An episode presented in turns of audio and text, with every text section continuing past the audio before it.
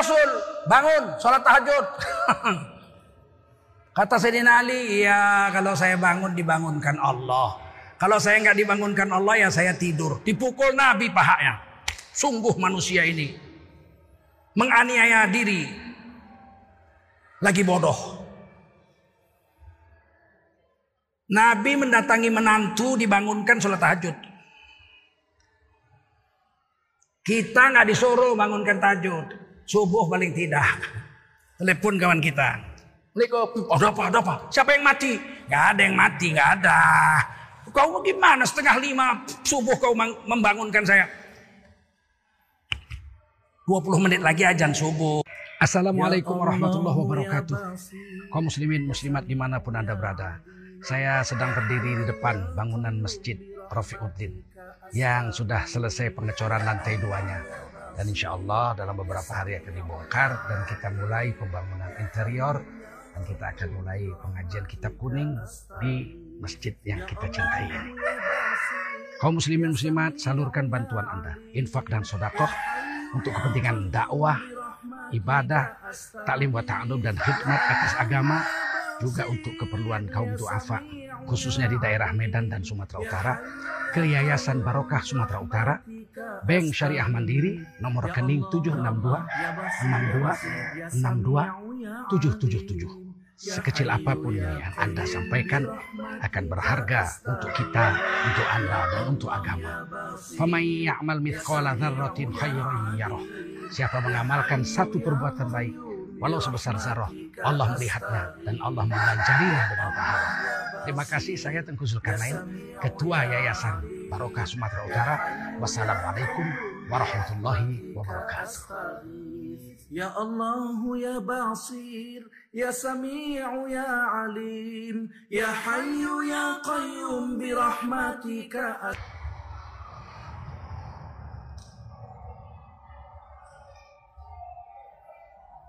Oleh karena itu anak-anakku yang muda-muda ini Bawa bapak kita harus bersatu Alaikum bil jamaah Kamu mesti satu jamaah Karena kalau mencegah kemungkaran sendirian gak kuat Misalnya di kampung kita ini ada orang jual narkoba di situ. Kita tahu. Kita diam. Itu ngapain tuh kok banyak mobil-mobil mewah datang situ? Beli narkoba. Oh, jadi itu rumah itu jual narkoba. Oh, oh. Ya ya kita stop lah. Gak berani. Terus biarin aja begitu. Ancurlah anak-anak cucu kita main narkoba semua. Harus cegah. Itu mungkar. Sendiri nggak berani. Sepuluh orang. Sepuluh orang nggak berani. Semasjid. Habis sholat Jumat ke situ semua kita. Berani nggak? Nggak. Berani harus berani. Karena mencegah kemungkaran hukumnya wa wajib. Mengajak yang ma'ruf pun wajib. Ngajak yang baik. Ada tetangga-tetangga kita belum ke masjid, diajak. Alah buat apa pak? Kan udah ada ajan.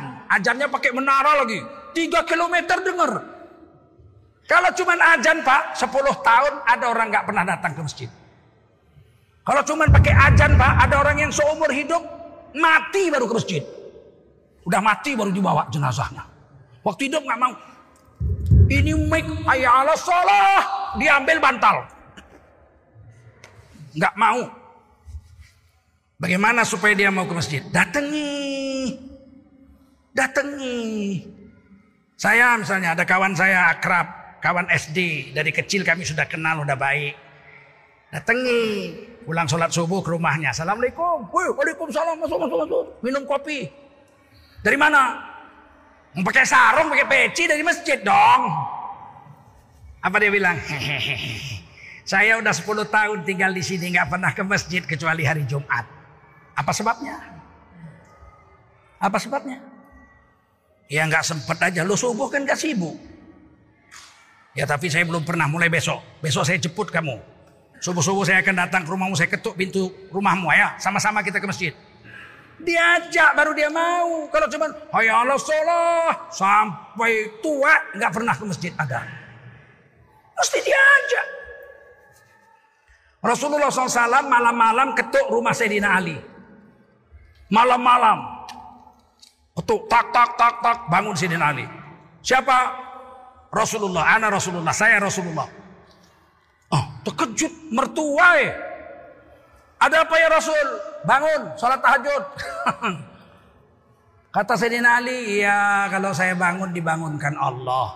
Kalau saya nggak dibangunkan Allah ya saya tidur. Dipukul Nabi pahanya.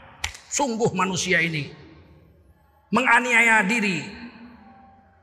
Lagi bodoh. Nabi mendatangi menantu dibangunkan sholat tahajud. Kita nggak disuruh bangunkan tahajud. Subuh paling tidak. Telepon kawan kita. Assalamualaikum. Oh, ada apa? Ada apa? Siapa yang mati? Gak ada yang mati, gak ada. Kau gimana setengah lima subuh kau membangunkan saya? 20 menit lagi ajan subuh. Ayo kita bangun sholat subuh. Ah kau ada saja. Enggak, enggak ada saja. Kalau kita enggak ke masjid siapa lagi yang ke masjid? Diajak. Sekali, dua kali, tiga kali, empat kali sampai mau. Marah dia. Enggak apa-apa marah. Kita hari ini mengajak berbuat baik enggak berani. Ngajak makan mau. Kawan kita kerja, depan-depanan meja di kantor. Duluan, duluan. Besok sama lagi. Duluan, duluan. Sepuluh tahun pak, tiap makan diajak. Duluan. Nggak ada marah tuh, yang diajak nggak marah. Coba aja sholat. Juhur. Duluan. Besok lagi. Juhur. Rohan. Besok lagi. Apa? Juhur. Tuhan. Udah mulai marah. Besok lagi. Juhur. Sampai kapan kau ngajak saya? Wah mulai marah. Hmm? Sampai kapan kau ngajak saya? Muak saya kamu tiap hari. Kamu ajak saya sholat. Juhur. Sampai kapan? Muak saya. Datang yang ngajak. Kamu muak saya ajak sholat juhur? Iya. Apalagi aku yang ngajak lebih mual lagi.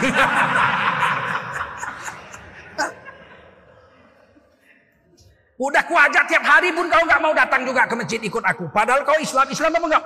Islam. Nah, kalau Islam diajak ke sholat kau marah. Harusnya kau senang saya ajak. Sampai kapan kau ngajak? Sampai aku mati atau kau mati baru berhenti. Kalau kau masih hidup, tetap ku ajak kau sholat. Atau aku Mati baru berhenti. Kalau aku udah mati masih bisa ngajak, ku ajak juga kau setelah mati. Disuruh. Kalau nggak begitu jangan harap masjid ini penuh pak. Mesti diajak. Kalau lebih banyak yang nggak ke masjid dari yang ke masjid, ngajaknya mesti dibujuk-bujuk. Sian kali, kenapa? Masjid kita udah besar. Iya, aku tengok udah, aku ikut numbang tuh, ikut numbang. Dimasak semen tuh, aku ikut numbang tuh. Uang rokok itu pindah situ. Oh. Tapi kasihan kali masjid besar tapi sholat subuh cuma 11 orang. Loh, lumayan lah 11. Apa lumayan? Imam sama muajin jejer sebelah-sebelahan. Aku muajinnya imamnya Pak Ustadz. Kau ikut sekarang. Biar tiga orang. Nah, diajak. Udah mau dia, dia suruh ajak kawannya, ajak kawannya, ajak kawannya. Setahun penuh di masjid. Kalau masih sedikit yang ke masjid, dibujuk-bujuk. Ya ke masjid pak, sholat. Aku mau, tapi aku nggak punya sarung. Oh nggak punya sarung pak? Ya nggak. Besok beliin sarung, jangan ngajak lagi. Marah dia, pak. Sholat yuk. Aku mau, tapi aku nggak punya sarung. Besok kita aja lagi, pak. Sholat yuk. Saya nggak punya sarung. Kepingin sih ke masjid, nggak punya sarung. Besok datang nih, pak ke masjid. Sarung. Besok lagi, Pak, ke masjid, sarung. Tentu dia marah. Kalau bilang aku mau ke masjid, tapi aku nggak punya sarung, belikan sarung. Assalamualaikum Pak, mau ngajak ke masjid? Enggak, mau ngasih sarung. dia udah ngerti, oh dikasih sarung berarti disuruh ke masjid. Kadang-kadang mengajak itu pakai hadiah. Gak mesti pakai mulut, pakai hadiah.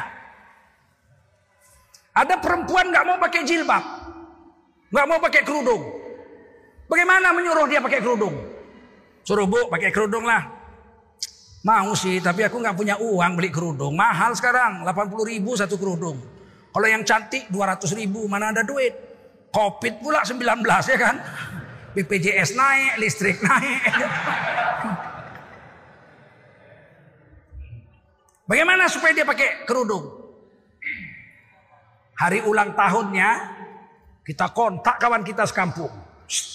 Besok tanggal 14 Agustus Ibu Minah ulang tahun. Oh, Minah tukang ayam itu. Oh, oh. Yang langganan kita. Oh, oh. Terus gimana? Dia katanya mau pakai kerudung tapi nggak ada uang beli. Terus gimana? Besok tanggal 14 kita beliin hadiah. Semua beli kerudung. Sekampung 300 orang ngasih hadiah. Kerudung semua. Nggak ada lagi alasan dia nggak mau pakai kerudung. Betul. Itulah cara dakwah yang disuruh Rasul. Yang hari ini kita nggak buat. Kalau sekampung itu sudah semua ke masjid, cuma ada 4-5 orang nggak ke masjid, sudah bisa diancam. Dulu saya waktu pindah ke Gang Barokah Pasar Satu, itu yang di masjid dua orang, imam sama muadzin. Saya yang ketiga, asisten saya Dato Ahmad yang keempat. Kami sholat zuhur, asar, maghrib, isya empat orang. Yang dua dibayar, imam digaji, muadzin digaji. Kami dengan Datuk Ahmad berempat. Mulai diajak depan masjid, kawan saya kecil. Eh, Ran, apa? Kowe kok orang gelem nang masjid piye kowe? Oh, mau nang ngarep masjid kok kowe ora teko. Ya aku sibuk, sibuk apa kowe subuh ngorok kok kowe. Orang kawan kok. Ayo, sesok kowe teko, dapat lima. Wakilan bilang itu kawan saya belakang rumah juga kawanku juga. Bawa enam. Setiap subuh habis subuh musyawarah. Sekarang siapa yang mau diajak? Wah aku mau ngajak Pak Anu. Aku mau ngajak Pak Kliwon. Gue ngajakin. Lama-lama masjid itu penuh. Najir masjidnya dikasih hadiah sama wali kota naik haji. Gratis. Karena masjidnya terame sekota Medan. Masjid Jami, Tanjung Sari, Pasar Satu. Ada tujuh orang yang masih ndablek. Bandel, nggak mau ke masjid. Diajak ngelawan. Murid-murid saya ngajak nggak mau. Akhirnya ngelapor, Pak, si Anu, si Anu, si Anu itu kalau diajak ke masjid ngelawan, Pak. Oh ya udah, besok biar saya ngajak. 20 menit mau azan saya datang, lagi bikin pot bunga. Tukang pot, bikin pot. Assalamualaikum. Waalaikumsalam. Ada apa? Katanya. Saya mau ngajak Anda ke masjid. Udah ratusan orang ke masjid, kamu belum. Lah kalau saya nggak mau, kenapa rupanya? Eh, tentengan. Cuma tujuh orang aja bertentengan. Yang ke masjid ada lima ratus. Saya bilang kalau kau nggak mau ke masjid, kau Islam apa enggak? Islam. Kalau begitu, saya minta kalau kau Islam ayo ke masjid. Saya nggak mau. Kalau nggak mau nanti kalau kau mati, ku perintahkan sekampung ini jangan sembayangkan jenazahmu. Loh, kok ngancam? Nah, orang tinggal tujuh orang diancam aja. Pandainya mulut itu apa dijawab? Kalau saya mati nggak disembayangkan, Pak Ustadz berdosa. Karena sholat itu jenazah fardu kifayah. Pandai pula. Memang sontoloyo betul. Ah, saya bilang memanglah menyembayangkan jenazah fardu kifayah. Fardu kifayah itu artinya artinya seribu orang laki-laki di sini wajib ada satu orang laki-laki menyembayangkan jenazahmu. Seandainya kau mati disembayangkan 2000 orang perempuan semua, nggak sah. Sebab fardu kifayah itu wajibnya untuk laki-laki. Nah oleh karena itu nanti kalau kau mati, anakmu ini aja kusuruh nyolatkan kau. Mulai pucat dia, mana bisa anak saya sholat. Nah kalau nggak bisa nanti kusuruh muridku yang paling goblok nyolatkan kau. Kami nonton aja satu orang kan cukup. Yang fardu kifayah kan satu orang cukup. Dia bilang gitu, jangan ngancam gitu lah Pak Ustadz. Kan suka hatimu. Mau ke masjid atau enggak suka hatimu. Aku ngancam ya suka hatiku. Kata istrinya, ke masjid lah bang, ke masjid lah bang. Istrinya, nanti abang kalau mati gak ada nyolati.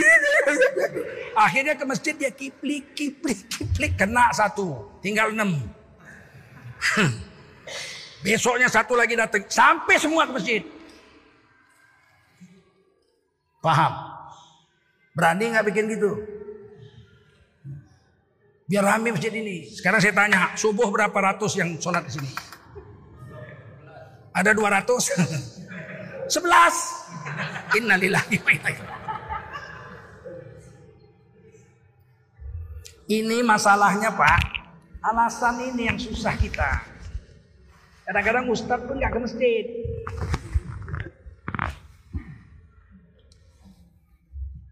Ada Ustadz. Setiap seminggu sekali ngajar di masjid. Baca hadis. Salatul rajul ma'al jamaah. Salat laki-laki berjemaah. Afdalu min salatil fat fi baitihi au fi suqihi. Bisa ba'ina wa isrina darajah. Lebih afdol sholat laki-laki berjemaah. 27 derajat daripada sholat sendiri di rumah ataupun di warung. Warung-warungnya. Hadis Bukhari Muslim. Pulang ngajar, besoknya nggak datang. Muridnya nanya, Pak Ustaz, kalau ke masjid berapa pahalanya? 27 derajat. Hadis sahih. Kok Pak Ustaz nggak ke masjid? Saya ini mengimami anak istri saya. Eh, keluar hadis baru. Kalau saya ke masjid, siapa yang jadi imam istri saya? Ayo. Kalau saya ke masjid, siapa yang jadi imam anak saya? Kayak dia aja yang punya istri. Aku pun punya juga. Ya. Coba kalau pendapat Ustadz ini kita jalankan. Bapak ke masjid? Enggak, saya punya anak istri. Terus dia jadi imam di rumah untuk istri saya. Bapak, oh istri saya dua. Saya nggak ke masjid. Bapak boleh, oh saya laki, istri saya tiga, nggak ke masjid. Kamu, lo ya saya baru kawin pengantin baru. Kalau saya ke masjid, siapa yang mengimami istri saya? Kalau begitu siapa yang ke masjid? Semua yang punya istri sholat di rumah, yang ke masjid bujang-bujang lapo lah, sama janda-janda tua. Ini pengajian sesat, betul? Sesat apa enggak? Enggak gitu dibilang. Nabi itu istrinya. Terakhir Nabi itu istrinya 12. Tapi Ibunda Khadijah istri pertama nggak pernah dimadu sampai wafat. Umur 65 satu-satunya istri. Nabi tidak pernah memadu istri pertama. Nabi nikah dengan Siti Khadijah ibunda kita umur 25. Ibunda Khadijah umur 40. 25 tahun hidup bersama sebagai satu-satunya istri. Umur 50 tahun Rasulullah, ibunda Khadijah umur 65. Wafat di pangkuan Rasulullah sebagai satu-satunya. Ini penting ini, laki-laki ini. Jangan dikit-dikit. Apa kabar kok ketawanya kamu datang? Alhamdulillah. Kenapa? Istri sudah tiga. Loh, oh tiga? Sunnah, sunnah. Sunnah gondolmu sunnah. Kapan Rasulullah memadu istri pertama? Tidak. Ya tapi kan boleh. Ya bilang aja lah boleh. Jangan bawa-bawa sunnah. Saya mau kawin tiga. Kenapa? Boleh. Nabi bilang, saya kawin tiga karena sunnah Nabi. Nanti di akhirat jumpa Nabi. Kau istrimu berapa? Tiga ya Rasul. Gara-gara sunnah. Kau tuh gara-gara nafsumu. Tabok mencong. Jangan jual-jual sunnah bu. Walaupun istri Nabi belakangan banyak setelah Ibunda Khadijah wafat. Nabi tetap ke masjid. Gak pernah mengimami anak-anak dan istrinya di rumah beliau masing-masing. Betul? Jadi kenapa kita bilang saya nggak ke masjid karena saya mengimami anak istri saya. Di mana ngaji itu? Siapa yang diikuti itu? Ada sunnah Rasul begitu? Gak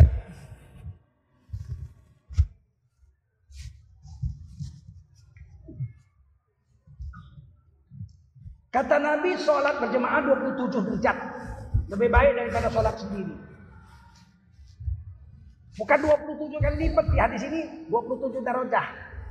Di dalam kitab Riyadus Solihin sahabat nanya, ya Rasul, sholat sendiri dibanding dengan sholat berjemaah di masjid 27 derajat lebih besar sholat berjemaah. Betul kata Nabi.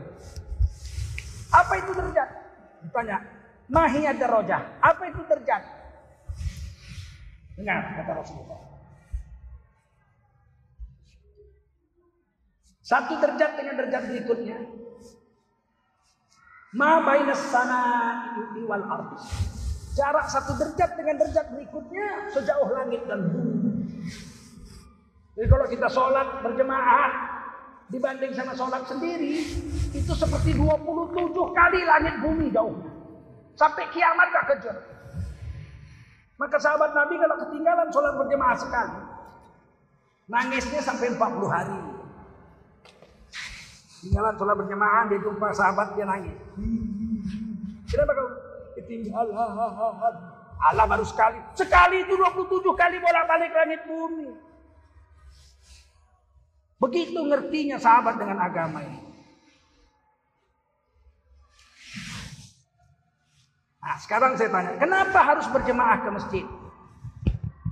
Karena masjid ini rumah Allah. Tadi kita awal cerita, ini masjid baitun min buyutillah. Rumah daripada rumah-rumah Allah. Bukan berarti Allah tinggal di sini.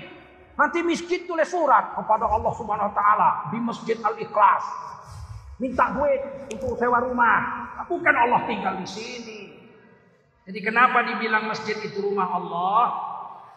Jawabnya karena masjid adalah rumah yang penuh dengan rahmat Allah.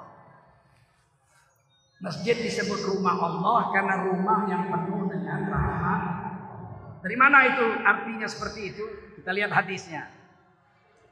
Nabi mengajarkan kalau kita masuk masjid langkahkan kaki kanan. Betul? Baca doa. Doanya ikuti. Allahumma inni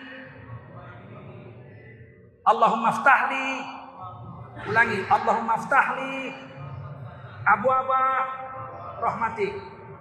Ya Allah bukakanlah olehmu untukku pintu-pintu pintu-pintu pintu-pintu rahmatmu. Masuk masjid, pintu-pintu pintu-pintu rahmat banyaknya bukan main. Kalau pintunya banyak, rahmatnya lebih banyak. Sholat. Keluar masjid, langkah kaki kiri. Doanya, Allahumma inni semua. As'aluka min fadlik.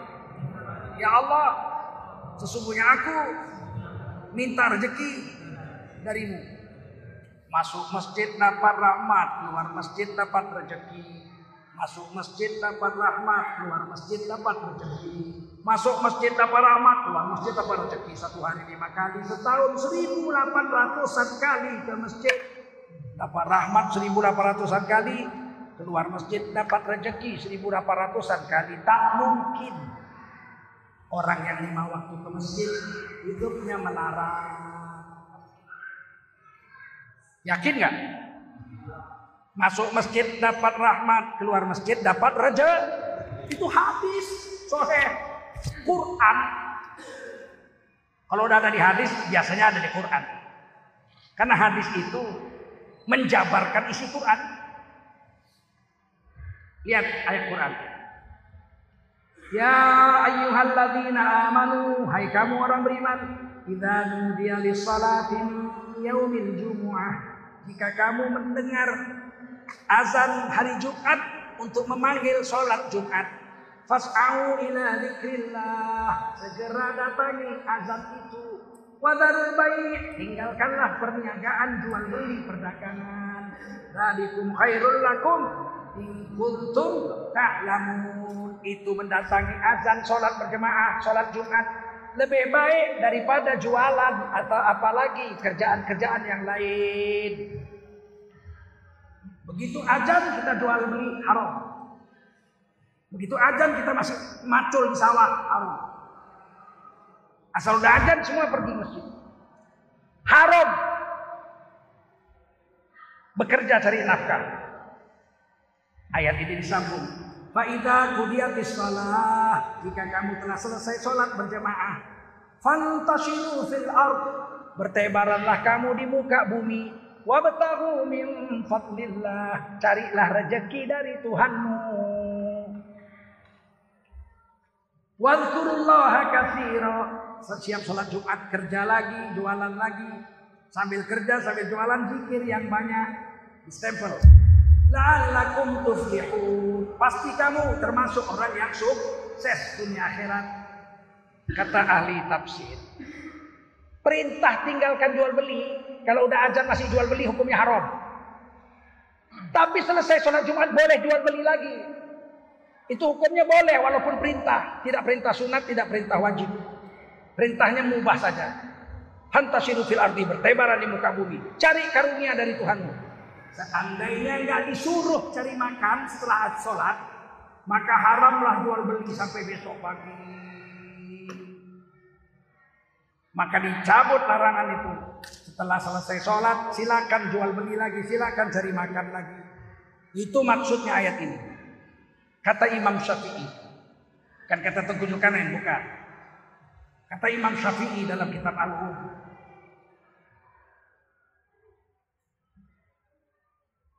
Ini kan sholat Jumat. Iya. Tidak untuk sholat yang lima waktu. Salah. Kata Imam Syafi'i ayat ini memanggil azan untuk sholat Jumat. Datangi azan. Tetapi sholat yang lain lima waktu juga disyariatkan. Kemungkinan besar sholat Jumat wajib hukumnya. Maka lima waktu pun berjemaah hukumnya wajib. Yumkin hadha fatu'aik. Ini kata Imam Syafi'i bukan kata saya. Sekarang saya tanya.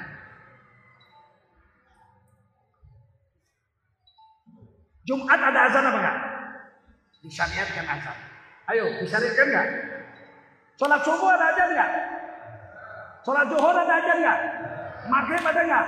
Isya ada enggak? Berarti sama. Berarti sama. Sama-sama disyariatkan azan. Kalau sholat Jumat wajib mendatangi azan. Maka sholat yang lima waktu kemungkinan besar kata Imam Syafi'i sama-sama wajib didatangi karena sama-sama disyariatkan azan.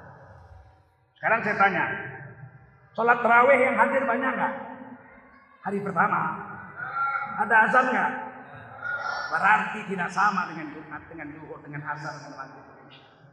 Sholat Idul Fitri, Idul Adha yang datang banyak nggak? Ada azannya? Berarti tidak sama dengan sholat Jumat, sholat Zuhur, sholat Karena nggak ada azan. Sholat minta hujan, istisqa, yang datang rame. Ada azan nggak? Nggak ada, berarti dia sama dengan sholat zuhur, maghrib, isya, subuh, Jumat. Jumat ada azan, zuhur ada azan. Atar ada azan, maghrib ada azan, subuh ada. Kalau Jumat wajib mendatangi azan, maka kemungkinan besar, kata Imam Syafi'i, sholat yang lima waktu pun mesti didatangi. Sekarang saya mau beritahu, kata Allah la'alakum tuflihun. Kalau dengar azan ke masjid, kamu sukses dunia akhirat. Datang dapat rahmat, pulang dapat rezeki. Hari ini kita nggak yakin. Kita pikir kita dapat rezeki dengan bekerja. Kita dapat rezeki dikasih Allah. Inna Allah yarzuqu man yasha bighairi hisab. Sesungguhnya Allah memberi rezeki kepada siapa Allah mau tanpa perhitungan banyak. Betul? Betul? Allah beri. Bukan kita cari. Berapa banyak orang kerja cari rezeki gak dapat? Ada orang buka ojek. Narik ojek dari habis subuh gak sholat subuh. Ngeng, ojol dapat duit, dapat duit. Zuhur gak sholat zuhur, cari tuh. Zuhur, asar, maghrib, bisa gak sholat, dapat duit 200 ribu. Tiba-tiba mau pulang ke rumahnya meletus ban. Sepeda motornya meletus. Dor! Aduh! Bawa ke bengkel. Pak, tolong ditampal. Mana bisa ditampal robeknya sekengkang? Dari mana? Ya gantilah luar dalam. Orang udah tipis kok nampak benangnya. Ya udahlah bang, gantilah luar dalam, diganti. Berapa? 200 ribu. Dia kerja seharian gak dapat apa-apa. Karena rezeki Allah beri, bukan kita cari. Berapa banyak orang yang cari rezeki nggak dapat? Berapa banyak orang yang nggak cari rezeki dapat? Ini air siapa yang beli ini? Siapa yang beli air ini? IKN. Bukan saya kan? Bukan saya yang beli, tapi ini rezeki saya. Buktinya saya minum. Ayo, ada yang berani minum? Coba. Ada yang berani? Bukan saya yang nyari duitnya. Bukan saya yang beli airnya. Tapi Allah tetapkan ini rezeki itu kudurkan saya minum. Betul. Berapa banyak kita cari duit, kita yang nyari, ngumpulinnya kita bertahun-tahun yang menikmati orang lain.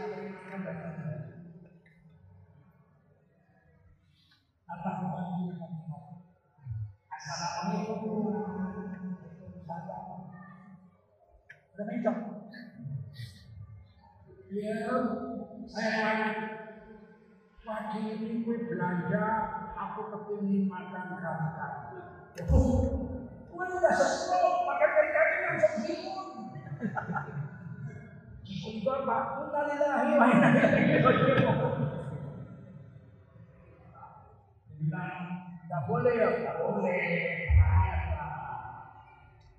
Kalau begitu gue ke pasar beli kepiting. Bikin sup kepiting. Ya Allah, udah semprot makan sup kepiting. Langsung di cover. Kok bisa masuk situ? Main bisa. Kepiting nggak boleh ya? Nggak boleh. Udang nggak boleh. Kerang Wih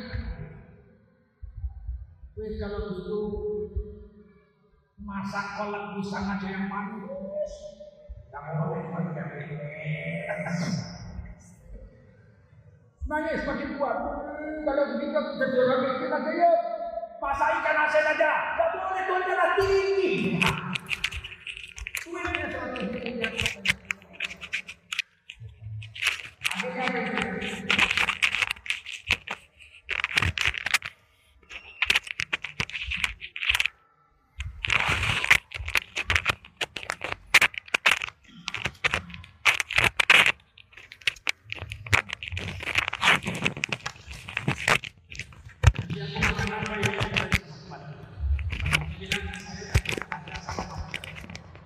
ahli kesehatan. Sengaja beres.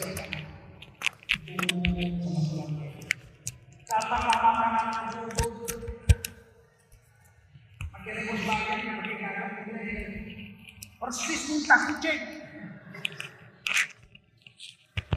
Dia lihat apa nih ya makanan sehat untuk orang stroke. Persis muntah kucing. Itu pun nggak bisa suap sendiri udah stroke. Disuapin sama istrinya yang keempat. Lebih cantik tujuh kali dari Syahrini. Itu pun meler-meler. Istrinya cantik, jangankan dipakai, dipegang nggak nyampe.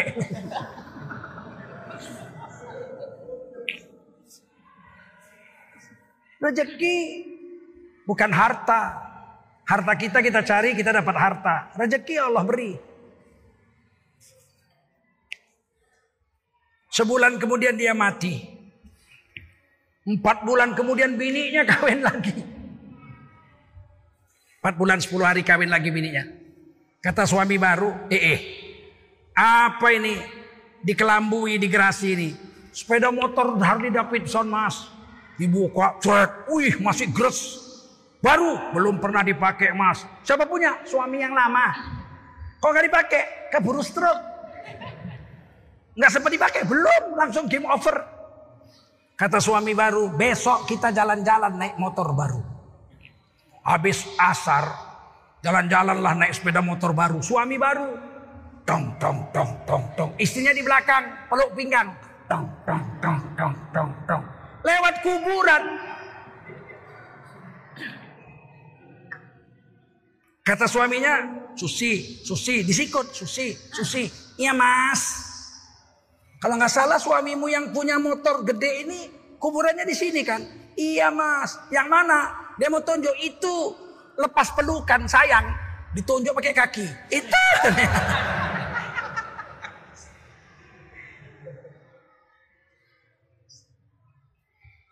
Harta kita belum tentu rezeki kita.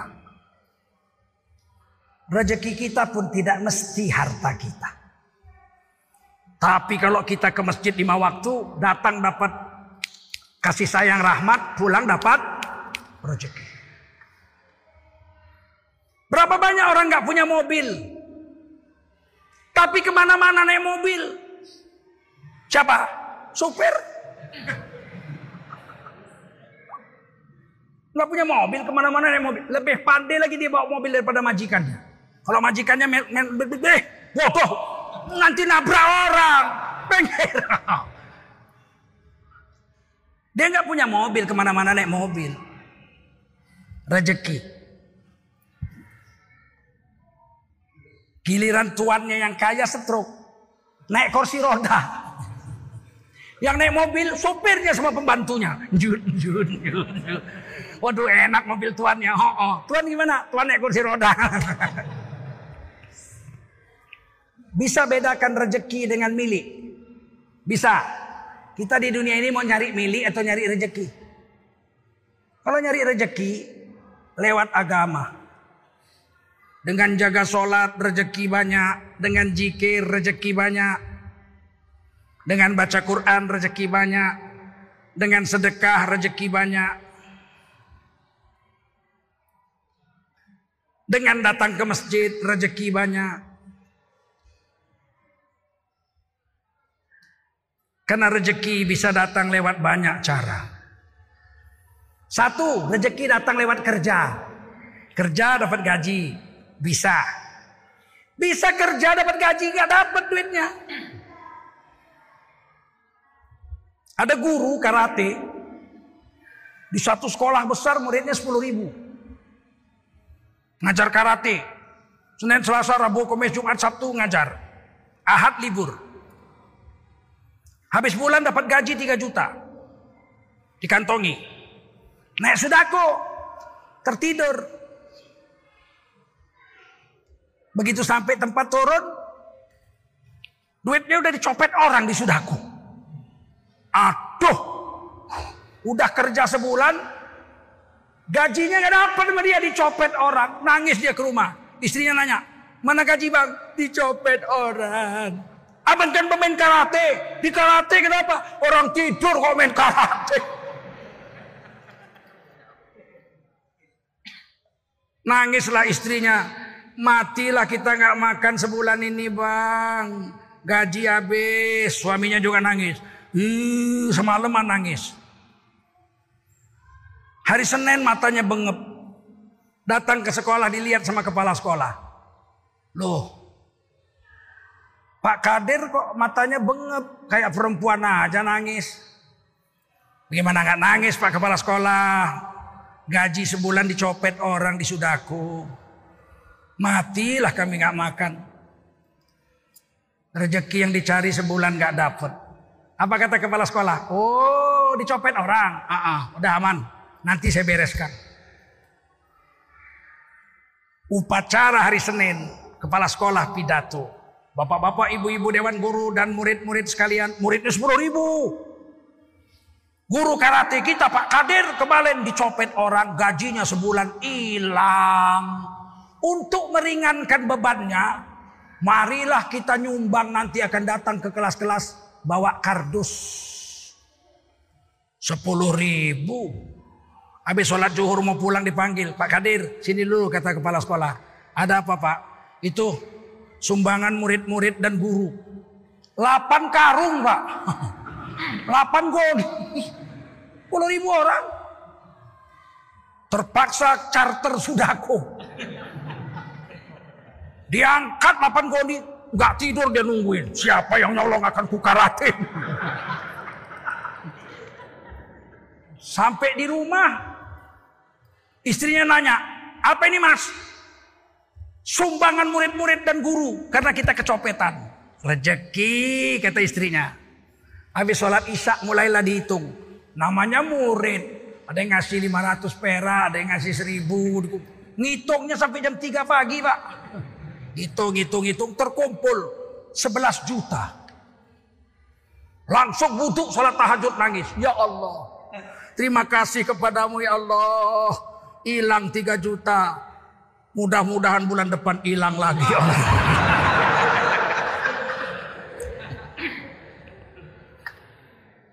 Rezeki Allah yang ngasih. Bisa lewat musibah dapat rezeki. Betul. Bisa lewat kerja dapat rezeki. Tapi kadang-kadang rezeki lewat musibah jauh lebih besar daripada rezeki lewat kerja. Dulu di kampung saya di Tanjung Sari, saya sudah guru di Muhammadiyah. Salah satu murid saya itu pulang ke rumah. Mau kerja bakti di sekolah ada maulid. Pulang ke rumah ngambil sapu, naik sepeda, kawannya punya. Di tengah jalan ditabrak motor pasir. Gepeng dari kepala sampai kaki. Mati. Bapaknya miskin, rumah ngontrak. Tanah lantainya tanah. Dindingnya tepas, atapnya nipah. Kepala desa datang, camat datang, wali kota datang, orang kampung datang. Sedih. Masuk koran. Remuk dari kepala sampai kaki kelindas motor pasir. Anak sekolah. Bapaknya sedih sekali. Seminggu kemudian bapaknya naik RX King Cobra. Sumbangan orang sekampung. Itu yang dat, yang mati satu. Kalau yang mati anaknya tiga naik mobil Daihatsu dia. Ah itu. Rezeki bisa datang lewat musi, musibah. Jadi oleh karena itu kita kalau dapat musibah nggak usah terlalu sedih. Ucapkan inna lillahi wa inna ilaihi roh. Karena di balik musibah Allah kirim rezeki. Kadang-kadang rezeki datang lewat jikir. Jikir. Saya pernah pulang apa pergi ke Jawa waktu SMP. Naik mobil ALS 14 hari baru sampai Jakarta. Jalan masih tanah, nyebrang masih pakai rakit-rakit. Karena laki-laki. Saya bisa aja naik kapal terbang, Mandala, oh apa, apa namanya, Merpati. Bisa saja saya naik kapal laut, ada Tampomas. Tapi saya sekali ini bilang sama bapak saya, ini libur bulan puasa sebulan, saya kepingin jalan darat ke Medan, apa ke Jakarta. Ya Allah, sampai Bukit Tinggi dingin. Sholat subuh di Bukit Tinggi dingin. Hih, waktu itu dingin sekali, tahun 70-an ya. Tahun 80. Saya duduk paling depan. Karena dingin saya masuk duluan di dalam bus pakai jaket. Tiba-tiba udah naik penumpang semua. Ada orang jikir. Subhanallah walhamdulillah wala ilaha illallah wallahu akbar. Subhanallah walhamdulillah wala ilaha illallah wallahu akbar. Diulang-ulang. Subhanallah walhamdulillah wala ilaha illallah wallahu akbar. Saya lihat ke belakang. Rupanya orang minta sedekah, orang buta pakai tongkat. Subhanallah, Alhamdulillah, wa la ilaha illallah. Subhanallah. Sampai depan dia turun, saya ikut turun. Ah, saya tanya, pakai bahasa Minang lah saya, Pak. Bapak kerjanya ini aja. Baal ini gue. Ah, ada dapat yang mau melihat lagi. saya nggak bisa ngelihat, saya cuma minta sedekah aja. Masya Allah, satu hari dapat berapa? Oh bisa dapat 40 ribu, 50 ribu. Waduh, Ongkos ke Jakarta aja 30 ribu. Ternyata pakai jikir main-main. Dapat rezeki segitu banyak. Alhamdulillah. Apalagi jikir betul-betul. Tapi kadang-kadang kita nggak yakin. Mana bisa pak menyelesaikan kesulitan hidup pakai jikir? Siapa yang bilang nggak bisa? Allah bilang bisa. Siapa yang selesai masalah hidupnya dengan zikir? Nabi Yunus. Nabi Yunus dimakan ikan. Ngeri nggak? Oh, dimakan ikan. Nabi Yunus nggak cabut pisau dari pinggangnya, tusuk jantung ikan, belah perutnya. Kalau itu dilakukan Nabi Yunus mati. Karena ikannya setelah makan tidur di dasar laut 40 hari. Seandainya Nabi Yunus tongkatnya dicucuk itu jantung ikan, Dibuka mulutnya keluar, mati Nabi Yunus di dasar laut. Karena ikannya tidur di dasar laut. Apa yang dibuat Nabi Yunus? 40 hari dalam perut ikan jikir aja. La ilaha illa anta semua. Subhanaka. Inni kuntu minal zalimin. Tiada Tuhan selain engkau ya Allah. Maha suci engkau ya Allah. Sesungguhnya aku dimakan ikan bukan salahmu ya Allah. Salahku sendiri. 40 hari zikir aja. La ilaha illa anta subhanaka ini kuntu minal zalimin. Setelah 40 hari ikannya bangun keliling laut. Nabi Yunus dimuntahkan ke kampung halamannya lagi. 40 hari nggak makan, kena asam lambung ikan, badannya hancur, kulit-kulitnya, badannya luka-luka. Nabi Yunus nggak bisa duduk, lemes. 40 hari nggak makan. Apa yang terjadi? Di pinggir laut Nabi Yunus tergeletak. Ada kambing di atas bukit sedang menyusukan anaknya. Kambing ini menyepak anaknya. Be. Kambing ini lari ke bawah. Mendatangi Nabi Yunus. Dikangkangi Nabi Yunus sama kambing. Diletakkannya puting susunya ke mulut Nabi Yunus. Nabi Yunus tinggal minum aja. Duduk gak bisa udah 40 hari gak makan. Minum susu kambing. Dikangkangi sama kambing. Be. Selesai minum kenyang kambingnya lari lagi ke atas bukit makan rumput. Sekian jam turun lagi kambingnya. Dikangkangi Nabi Yunus. Be. Sampai Nabi Yunus kuat dan bisa duduk. Maka perempuan-perempuan baru melahirkan. Supaya punya kekuatan kalau habis melahirkan minum susu kam. Supaya kulitnya halus dan tenaganya kuat. Hari ini perempuan melahirkan malah minta makan burger. Dalam Quran susu kambing, Pak. Kalau kita sakit, seminggu nggak mau makan, begitu sembuh susu kambing.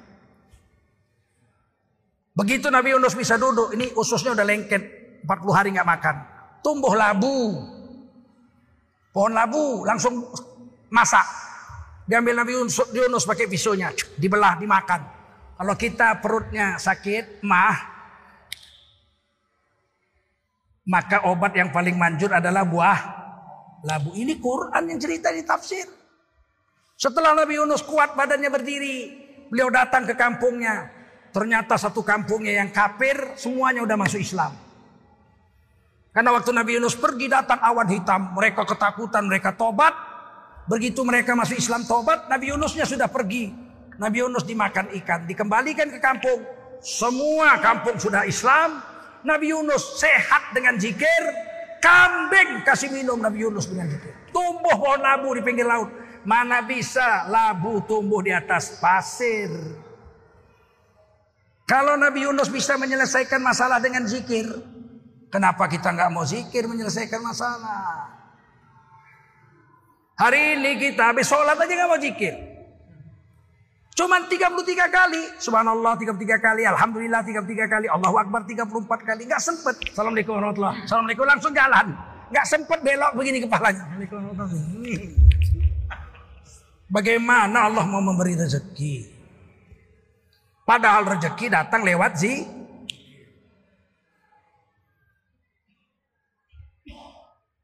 Rezeki datang lewat sholat. Wasta'inu bisobri wassalah. Minta tolonglah kamu dengan puasa dan sholat. Sabar di situ puasa. Wa'mur ahlaka bisolah. Perintahkan anak istrimu untuk menjaga sholat. Wastabir alaiha. Sabarlah kamu menjaga sholat itu. La nas'aluka rizqa. Kami Allah tidak minta rezeki dari sholatmu. Nahnu narzukuka. Tapi kamilah yang memberimu rezeki dengan sholatmu itu. Wa iyahum. Anak-anakmu juga kami kasih rezeki dengan sholatmu itu. Tapi hari ini kita nggak mau sholat gimana mau dapat rezeki.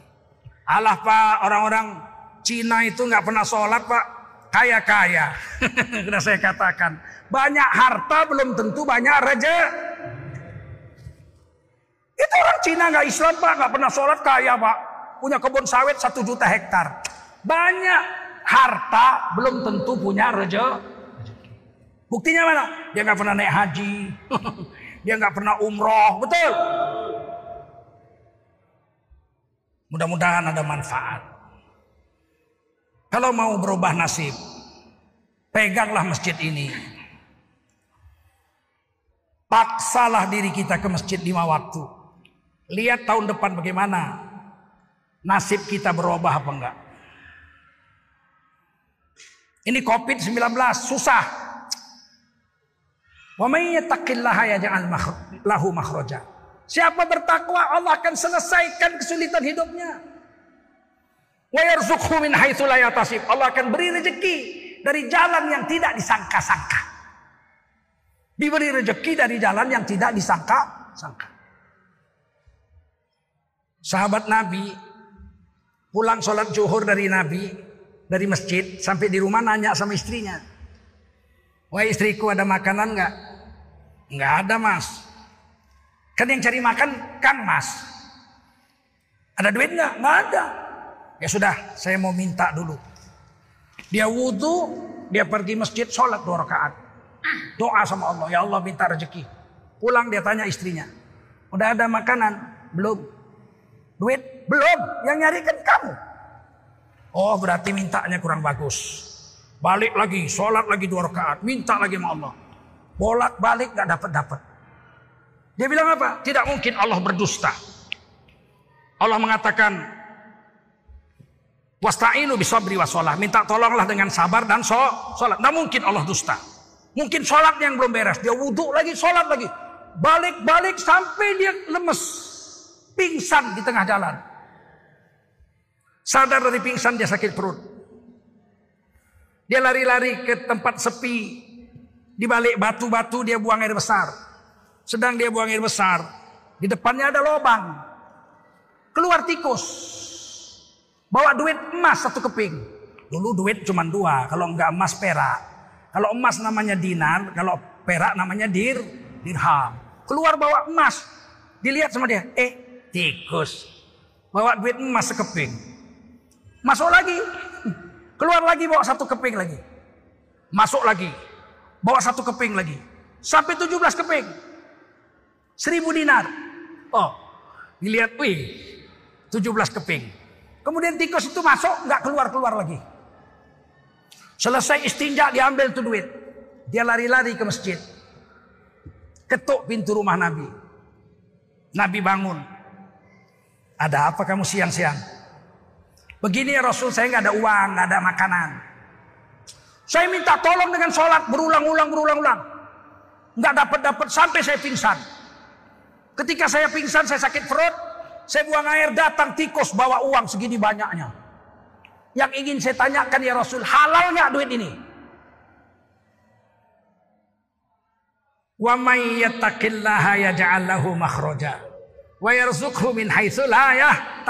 Siapa bertakwa sama Allah, Allah selesaikan carikan jalan keluar dari kesulitan hidupnya dan Allah beri rezeki dari jalan yang tidak disangka-sangka. Ini ayat disebut doa seribu dinar. Doa apa? Seribu dinar. Dia pulang, dia kasih makan anaknya. Selesai. Yakinnya sama Allah. Coba kita, coba kita. Lagi buang air besar, ada tikus. Bawa duit 17 keping emas. Terus masuk gak keluar-keluar. Apa yang kita buat? Pulang ngambil sekop. Kenapa cuma 17 keping ya? Jangan-jangan di dalam masih ada tujuh keranjang lagi nih. Kita yakinnya sama tikus. Sahabat yakinnya dengan Allah. Seandainya lah kita berkeyakinan kepada Allah seperti sahabat-sahabat Rasulullah. Maka Allah akan turunkan pertolongan. Sebagaimana Allah menolong para sahabat Rasulullah Sallallahu Alaihi Wasallam. Itulah beda kita dengan orang kafir. Orang kafir hanya percaya dia yakin dengan kerjanya. Kalau kita percaya dengan kerja Allah, dijikirkan kata Nabi sering-sering. La haula wala quwata illa billahil aliyil azim. Demikian saja ceramah ini. Saya pesan nanti kalau saya udah pulang, musyawarah pengurus masjid, bikin speakernya dua di bawah. Satu di bawah sini, satu di bawah situ. Karena kita duduk di lantai, kuping kita ini harus mendengar ceramah itu speakernya rata dengan kuping. Ini speakernya di atas, capek yang ceramah ini tahu. Seperti orang ngomong dari atas. Woi, lapar kau? Yang bawahnya, lapar.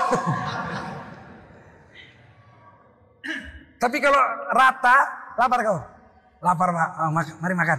Jadi kalau mic-nya itu di bawah, satu di sana, itu biar aja. Satu lagi ditambah di bawah situ. Insya Allah khutbah Jumat ceramah nggak perlu jerit-jerit. Karena amplitudonya sama. Secara fisika suaranya horizontal rata. Inilah kelemahan masjid di seluruh Indonesia. Yang dengar duduk di lantai, speakernya di atas. Untung nggak speakernya di menara sana. Ini pengalaman Pak. Kami dulu di Jakarta begitu juga. Capek ceramah. Kenapa ya suaranya nggak jelas? Tambah speaker di bawah. Aman. Masjid Azikro saya dengan Ustadz Arifin Ilham. Kami tambah dua speakernya di bawah. Aman. Oleh karena itu perlulah kita menambah speaker dua lagi. Supaya nanti khutbah Jumat gak perlu keras-keras. Saudara-saudara sekalian jelas karena di bawah. Ceramah pun ustadznya gak capek. Ini saran. Pengalaman kami di Jakarta ini.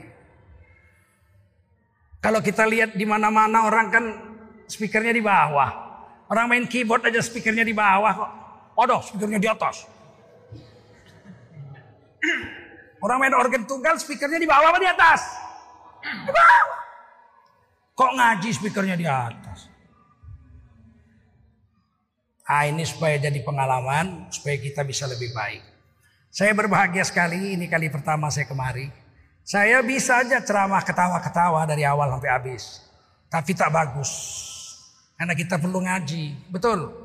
Kita ngaji ini perlu menukar keyakinan kita dari yakin dengan manusia menjadi yakin kepada Allah. Dan semoga kiranya NKRI menjadi negeri yang baldatun, thayyibatun, warabbun ghafur. Dan semoga Allah segera mengangkat wadah wabah penyakit corona ini dari negara kesatuan Republik Indonesia. Dan semoga kita semua terhindar dari penyakit corona ini. Ala hadhihi wa ala kulli niyatin salihah wa ila hadratin nabiyina Muhammad wa ila hadratin nabi sallallahu alaihi wasallam wa ala alihi wa sahbihi ajmain. Al-Fatihah.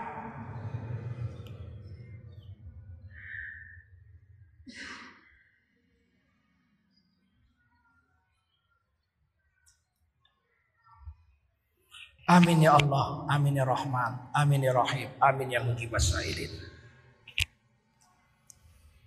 Allahumma bi hurmatil Fatihah wa bi karomatil Fatihah wa bi jahil Fatihah. Istajib do'ana wa hajatana wa tamim taqsirona bi rahmatika ya arhamar rahimin. Allahumma salli ala sayyidina Muhammadin fil awwalina wal akhirin. Allahumma ighfir lana dhunubana wa liwalidina warhamhum kama rabbawna shighara wa li jami'il muslimin wal muslimat والمؤمنين والمؤمنات الأحياء منهم والأموات برحمتك يا أرحم الراحمين. اللهم اختم لنا بحسن الخاتمة ولا تختم علينا بسوء الخاتمة. اللهم احفظنا من البلاء والوباء ومن قرن هذا يا أرحم الراحمين.